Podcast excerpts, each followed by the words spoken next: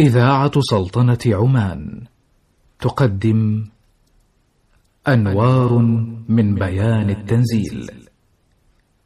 أنوار من بيان التنزيل درس أسبوعي يتناول تفسير القرآن الكريم يلقيه سماحة الشيخ أحمد بن حمد الخليلي المفتي العام للسلطنة.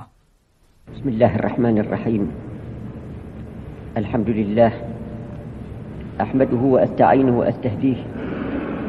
وأعوذ بالله من شرور أنفسنا ومن سيئات أعمالنا. من يهده الله فلا مضل له ومن يضلل فلا هادي له. وأشهد أن لا إله إلا الله وحده لا شريك له. وأشهد أن سيدنا ونبينا محمدا عبد الله ورسوله.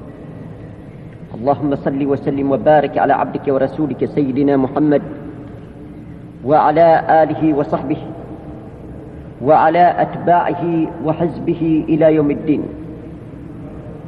أما بعد ففي هذه الليلة ننتقل إلى الإعجاز العلمي في القرآن. والحديث عن الإعجاز العلمي حديث خطير.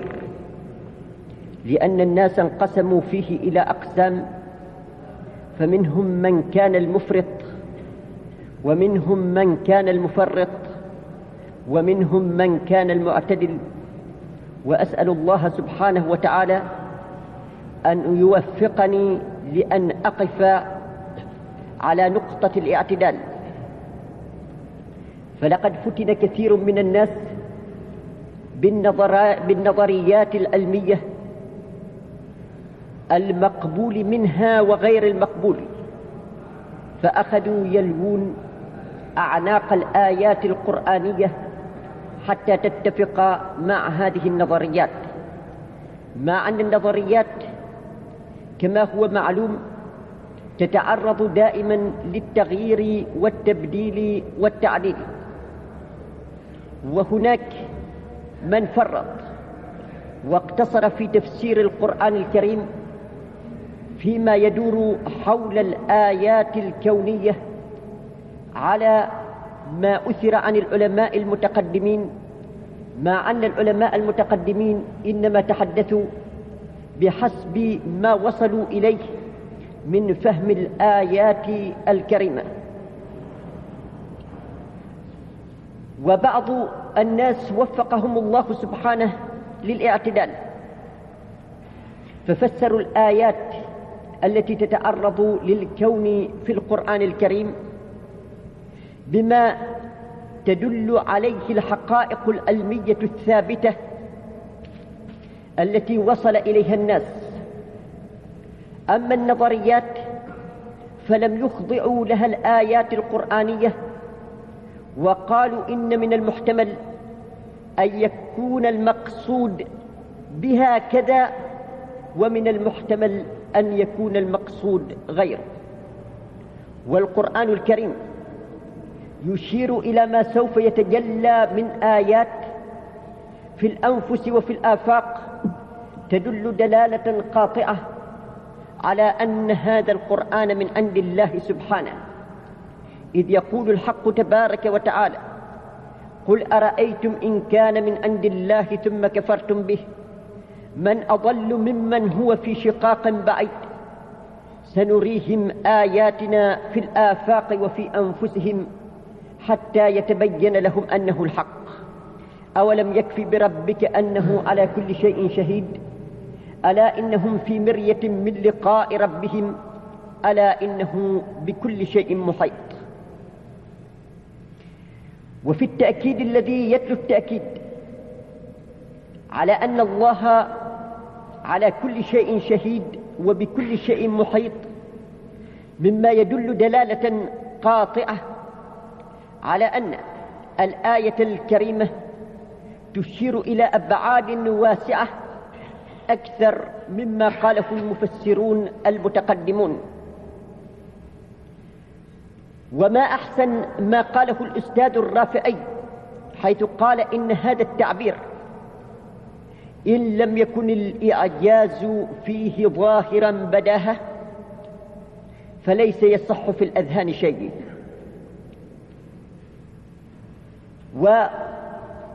ويشير القرآن الكريم أيضا إلى اشتماله على عجائب السماوات والأرض.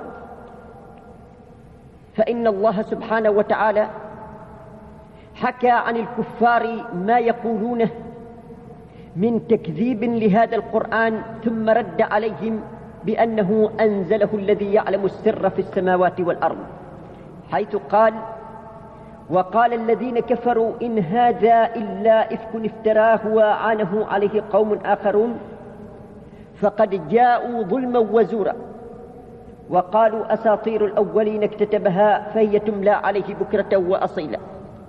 قل أنزله الذي يعلم السر في السماوات والأرض. ولقد أخذ الألم يكشف عن هذه الأسرار شيئا فشيئا حتى وقف غير المسلمين حيارى أمام معجزة القرآن الكريم. ولقد ذكرت لكم أن طبيبا فرنسيا وهو الدكتور موريس بوكاي أخذ يبحث الآيات الألمية في القرآن الكريم التي تتعلق بالطب والتي تتعلق بالكون وكان بصفته طبيبا جراحا يعرف عجائب تكوين الإنسان ويستعين كذلك بعلماء الهيئة الفلكية وبغيرهم فيما يتعلق بالكون.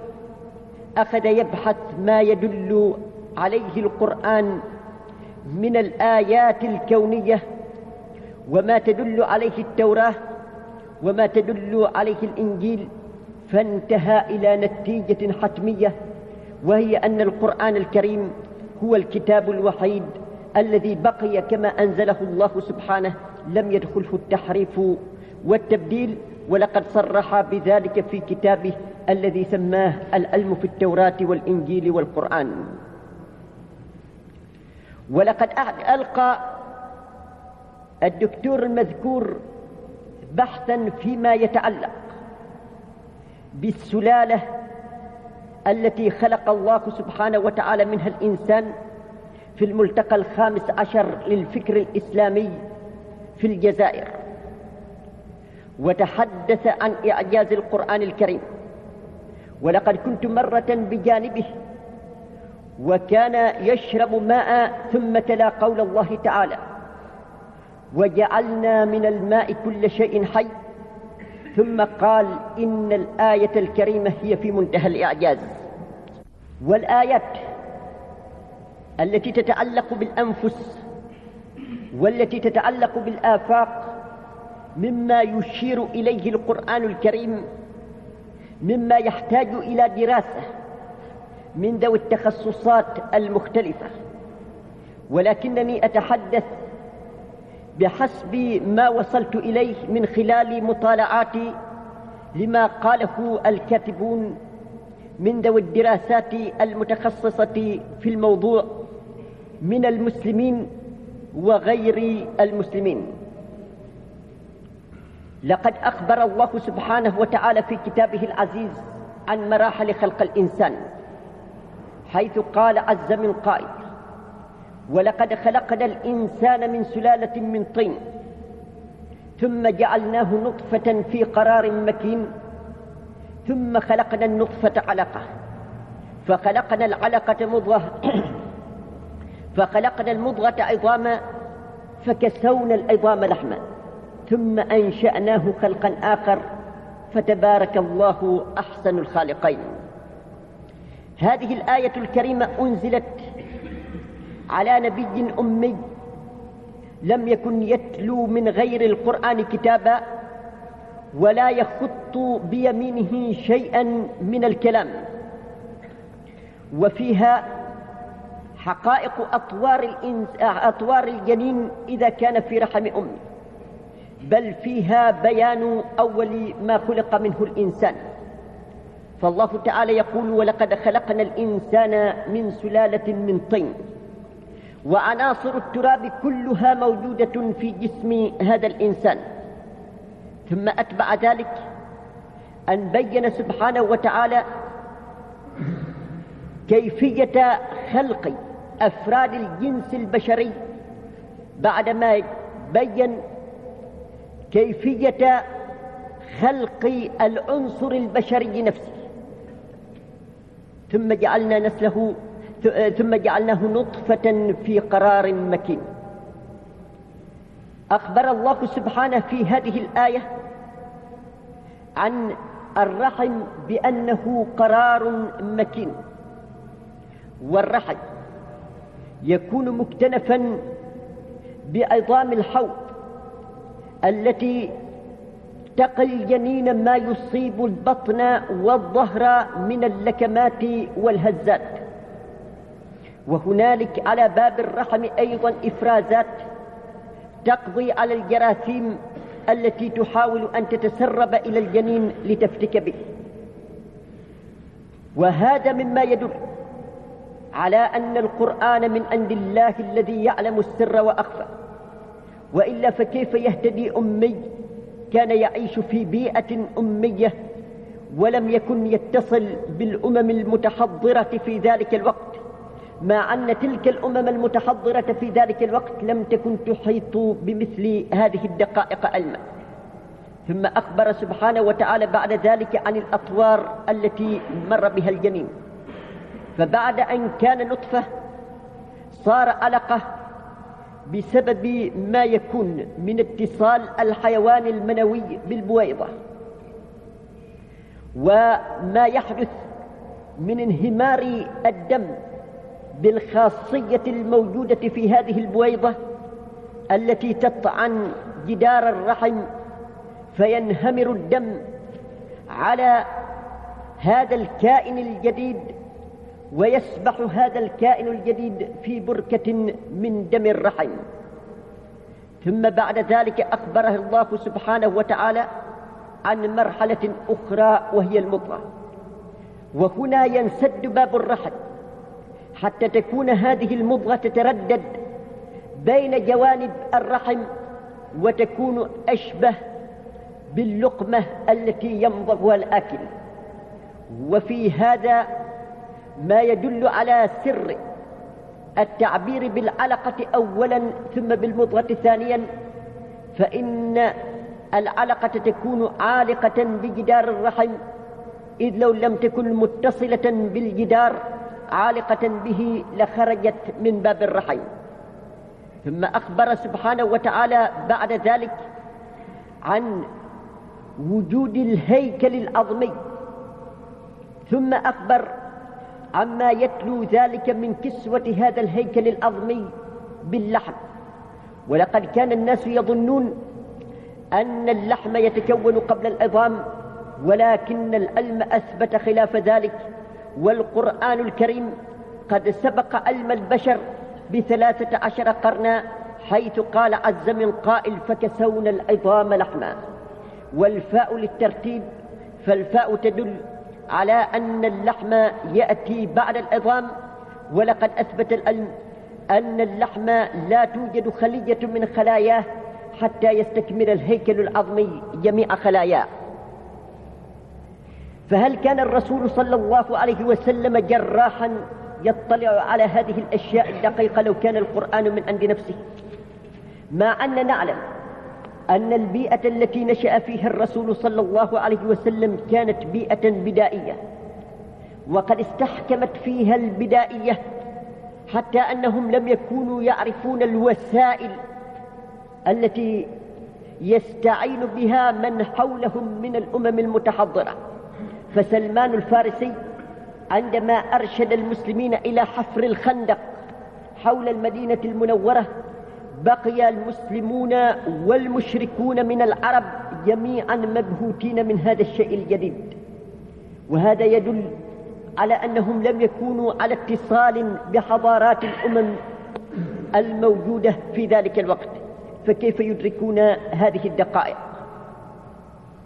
والحالات النفسية التي يشير إليها القرآن إشاراته العابرة في قصصه وقد تكون هذه الإشارات أحيانا قريبة من التصريح. هذه الحالات النفسية هي نفس ما يمكن أن يتوصل إليه أي باحث في الأحوال النفسية.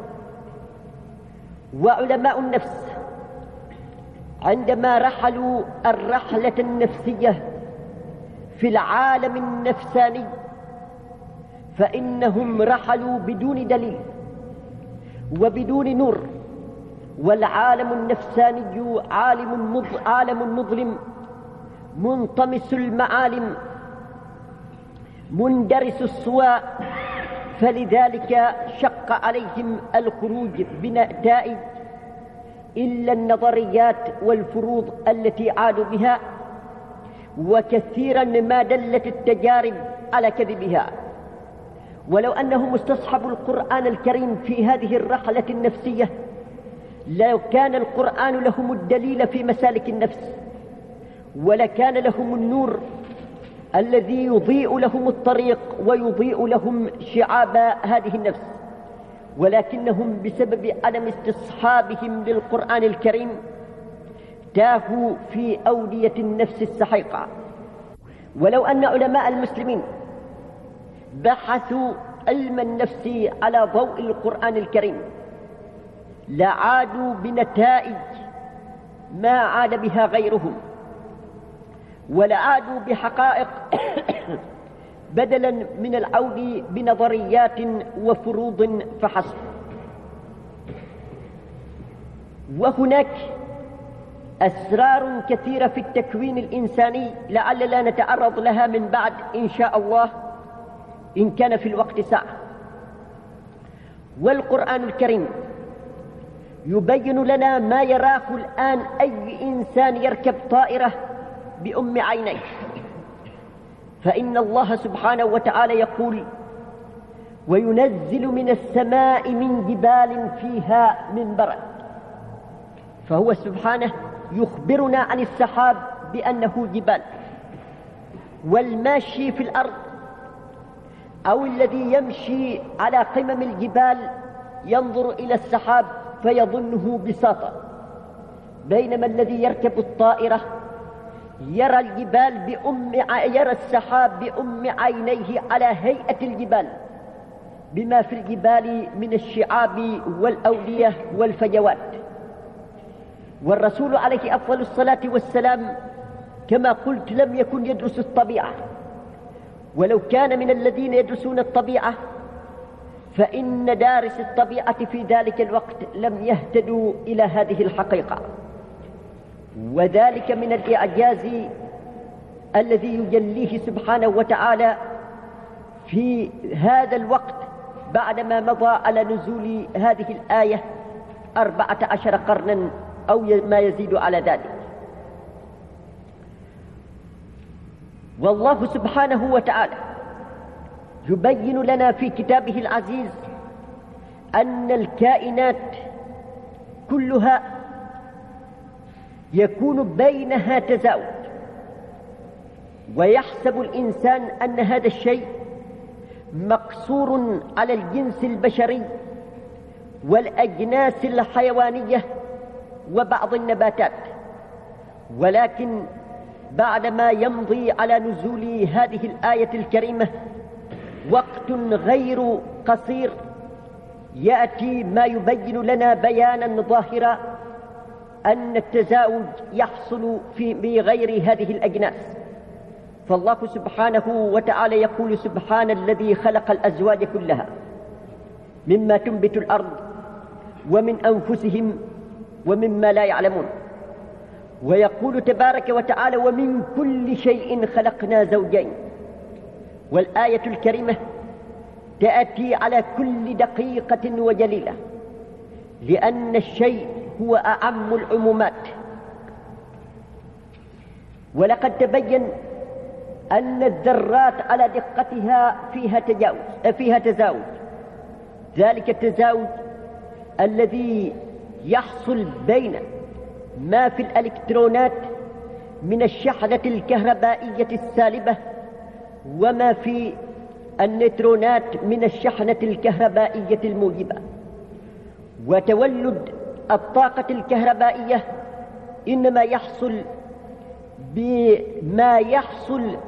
من التقاء السائل السالب والسائل من السائل السالب والسائل الموجب. وإذا افترقا توقفت الطاقة الكهربائية. ولعل العلماء الباحثين يهتدون بعد فترة من الزمن إلى أن الأمر أعم والقانون أشمل بحيث يشمل الكون بأسره كما يدل عليه قول الله سبحانه ومن كل شيء خلقنا زوجين وهم في طريقهم. إلى فرض النظرية التي تقول بأن وجود الكون كانت بدايته بوجود هذه الذرات. والله سبحانه وتعالى قد أخبر عن نظام رتيب يأتي على الكون بأسره من الذرة إلى المجرة أو إلى ما أبعد من المجرة مما يعلمه الله سبحانه وتعالى. أخبر عن هذا النظام في آية وأخبر عنه في بعض آية مرتين. أما الآية فهي قول الحق تبارك وتعالى إنا كل شيء خلقناه بقدر. وأما بعض الآية ففي قوله تبارك وتعالى في سورة الرعد وكل شيء عنده بمقدار وقوله في سورة الفرقان وخلق كل شيء فقدره تقديرا. كل ما في الكون بمقادير معينة. ولو زاد شيء أو نقص شيء عن هذه المقادير لأدى ذلك إلى اختلال التوازن. طاقات الإنسان بمقادير معينة. وطبيعته بمقادير معينة. وما يوجد حوله من الكائنات المختلفة بمقادير معينة. والأرض حجمها بمقدار معين. وقشرتها بمقدار معين. والماء الذي يغمرها بمقدار معين. ودورتها بمقدار معين وما فيها من نسبة الأكسجين بمقدار معين والمسافة التي تفصل ما بينها وبين الشمس بمقدار معين والمسافة التي تفصل بينها وبين القمر بمقدار معين. فالأرض تقدر بأقل من جزء من مليون جزء من حجم الشمس. وهي بعيدة عن الشمس بمقدار ثلاثة وتسعين مليون من الأميال. والأرض تغمر مقدار والبحر يغمر مقدار ثلاثة أرباعها. والقشرة الأرضية فيها بمقدار. فلو كانت القشرة الأرضية أسمك بمقدار عشرة أقدام لم امتص ثاني أكسيد الكربون للأكسجين وتعذر النبات وتعذرت الحياة أيضا على هذه الأرض. ومع ذلك فإن مقدار البحر فيها بمقدار معين. فلو كان البحر أعمق ببضعة أقدام مما هو عليه لانجذب إليه آه الأكسجين ولتعذر النبات أيضا في هذه الأرض. ولو كانت هذه الأرض في حجم القمر لكان قطرها ربع قطرها الحالي ولأدى ذلك أيضا إلى عدم احتفاظها بشيء من الماء والهواء. وذلك يؤدي طبعا إلى تحذر الحياة فيها. ولو كان القمر أقرب إلى الأرض عن هذه المسافة لفاضت المياه على الأرض. ولو كان القمر أبعد من هذه المسافة لنضبت المياه منها.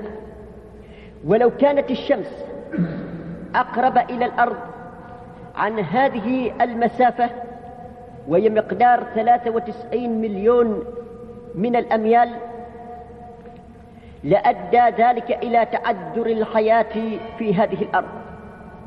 ولو كانت الشمس أبعد عن هذه المسافة لأدى ذلك أيضا إلى تعذر الحياة في الأرض لما يحصل من التجمر ولكانت النار يتعذر إيقادها. ولو كان آه الأكسجين بنسبة خمسين في المئة لأدى ذلك إلى الاختناق ولأدى ذلك إلى الخطر بحيث لو لمع برق فشرارة منه تصيب شجرة من غابة تؤدي إلى احتراق الغابة بأسرها ولو انخفضت نسبة الأكسجين إلى مقدار عشرة في المئة لأدى ذلك إلى تعذر حياة الإنسان في هذه الأرض لأنه يتعذر أن يوجد له ما يطهي به طعاما لتعذر إيقاد النار.